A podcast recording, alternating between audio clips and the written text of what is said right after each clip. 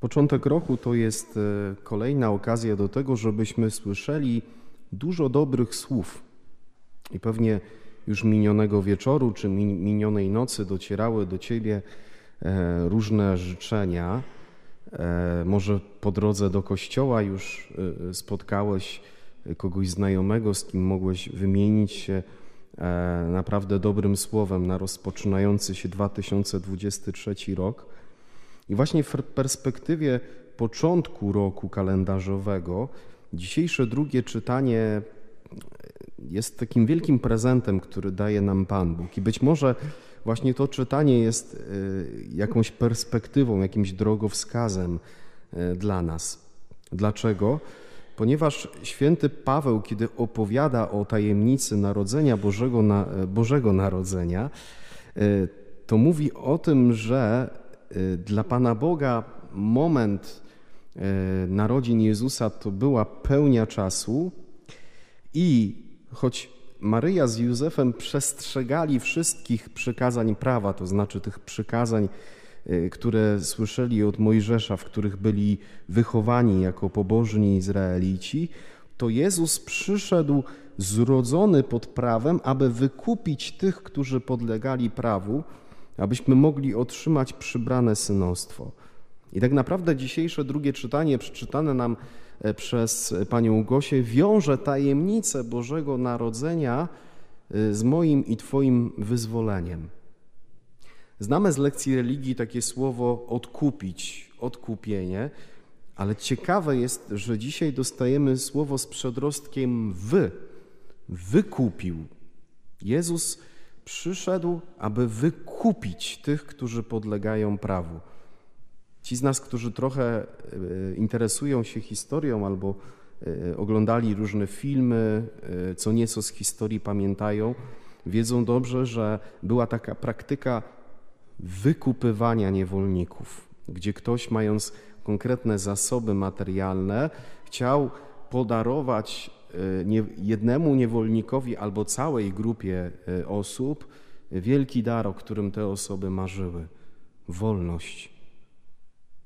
I tydzień po Bożym Narodzeniu, w tym czwartym rozdziale listu do Galatów, święty Paweł daje nam taką perspektywę, że Jezus rodzi się po to, aby przyjść na nasz targ niewolników i nas po prostu wykupić abyśmy już nie byli własnością e, niepokoju, choroby, wojny, żeby to, co złe, nie próbowało rządzić w naszych sercach i w naszym życiu, ale żebyśmy mieli na nowo poczucie, że należymy rzeczywiście wykupieni przez Boga do Niego samego.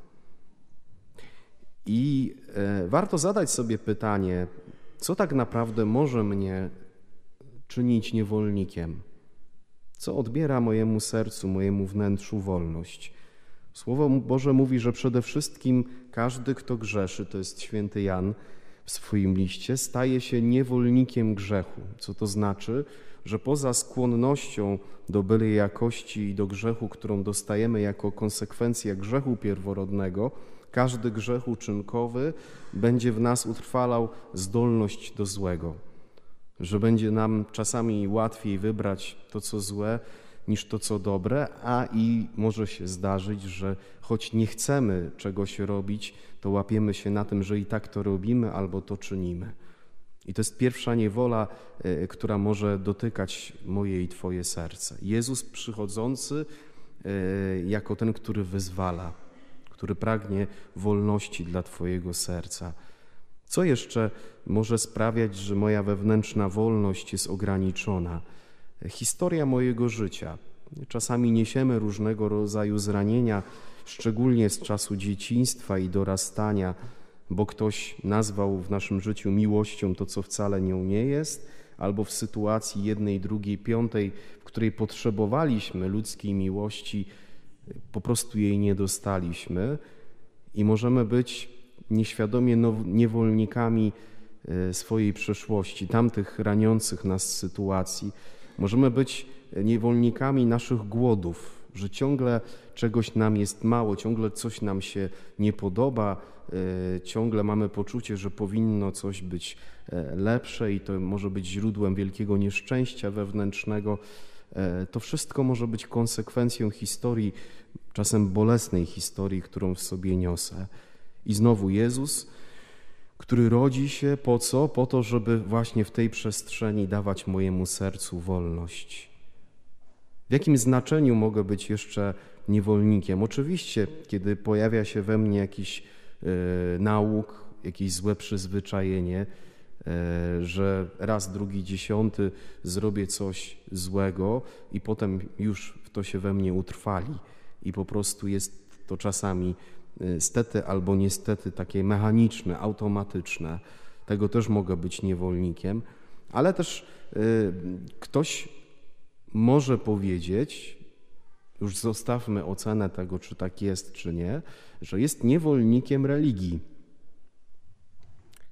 Zdarzają się ciche i głośne odejścia od wiary, i niektóre osoby, patrząc na to, w jaki sposób e, zostały wychowane albo jaka panuje atmosfera w ich otoczeniu, twierdzą, mówię to już trzeba zostawić e, Panu Bogu ocenę, czy słusznie, czy niesłusznie, że religia ich więzi, e, że tak naprawdę ja muszę iść do kościoła, ja muszę się pomodlić.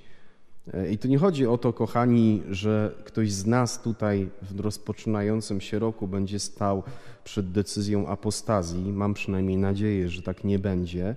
Ale chodzi o to, że jeżeli byłby wśród nas choćby jeden człowiek, choćby jedna osoba byłaby wśród nas taka, która przychodzi e, z jakiegoś przymusu na zasadzie takiej, albo co moja żona powie, bo co mój sąsiad powie, albo dopóki mam małe dzieci, to muszę dawać przykład moim dzieciom, albo a, już jestem nawet w podeszłym wieku, ja nie wiem nawet, czy ja w tego Pana Boga wierzę, ale muszę dawać przykład mojej rodzinie, bo co oni powiedzą o mnie, jak ja przestanę praktykować. Czujecie to? Można w ten sposób przeżywać swoją religijność i nagle sobie stwierdzić, ja jestem niewolnikiem tego bo to mi nie sprawia radości, bo to jest dla mnie pewnego rodzaju obowiązkiem. I być może dla wszystkich, dla wszystkich tych, y, u których dominuje obyczaj nad duchowością i pewnego rodzaju tradycja nad żywym kontaktem z Bogiem, to słowo jest takim zaproszeniem ze strony Pana Jezusa, który y, właśnie pragnie, rodząc się wciąż na nowo, przynosić wolność sercu, że także w sferze religii ja już niczego nie muszę, ale mo mogę zacząć chcieć. Panie Jezu, mogę zacząć w tym roku chcieć yy, się z Tobą spotykać, mogę zacząć chcieć czytać Twoje słowo, mogę zacząć chcieć szukać kontaktu z Tobą chociażby na adoracji Najświętszego Sakramentu. E, dałem, kochani, takie punkty brzegowe, w których można czuć się czy od, niewolnikiem, czy odkrywać w jakiejś mierze ograniczoną wolność w swoim życiu, ale myślę, że to słowo jest na tyle żywe i szerokie, że też w niejednym z nas e, po prostu jeszcze kolejne odcienie rzuca na nasze doświadczenie. I dobrze, jeżeli to słowo pokazywałoby tą, te przestrzenie, w których jeszcze nie czujesz się wolna, nie czujesz się do końca wolny. E, a zatem nie jesteś już niewolnikiem, mówi święty Paweł dlatego że Jezus dla ciebie stał się człowiekiem, dla, cie, dla ciebie się urodził. A zatem nie jesteś już niewolnikiem, lecz synem. I Bóg zsyła do serca Twojego ducha syna swego, który woła Abba Ojcze. Kochani, czy może być e, e, głębsza i piękniejsza perspektywa na początek nowego roku kalendarzowego? Perspektywa Boga, który chce aby każdy i każda z nas był jeszcze bardziej wewnętrznie wolnym, aby ta nasza wewnętrzna wolność była coraz bardziej dojrzała i głęboka i prawdziwa, e, aby właśnie ta wewnętrzna wolność pozwalała nam e, po prostu cieszyć się codziennym szczęściem. I kochani, teraz e, w styczniu zacznie się taka życiowa galopka bieganina, ale być może ta dekoracja bożonarodzeniowa w naszym kościele, która będzie nam towarzyszyć do początku lutego, będzie w najbliższych tygodniach takim znakiem też dla Ciebie. Popatrzysz, popatrzysz na maleńkiego Jezusa i przypomnisz sobie, aha, Panie Jezu, Ty chcesz, żebym ja był wolny, żebym była wolna. Ty chcesz mnie uwalniać, Ty chcesz dawać mojemu sercu jeszcze większą przestrzeń. Spróbujmy sobie dzisiaj właśnie tak zakodować ten znak y, żłóbka i znak dekoracji w najbliższych dniach, tygodniach, e, aby, aby to było dla nas to przypomnienie o wielkim pragnieniu Pana Boga i abyśmy chcieli w taki sposób przeżywać e, naszą więź z Bogiem, e, aby to rzeczywiście owocowało większą wolnością. Bo Bóg nie chce niewolników, ale Bóg chce mieć wokół siebie naprawdę wyzwolonych synów i wyzwolone córki.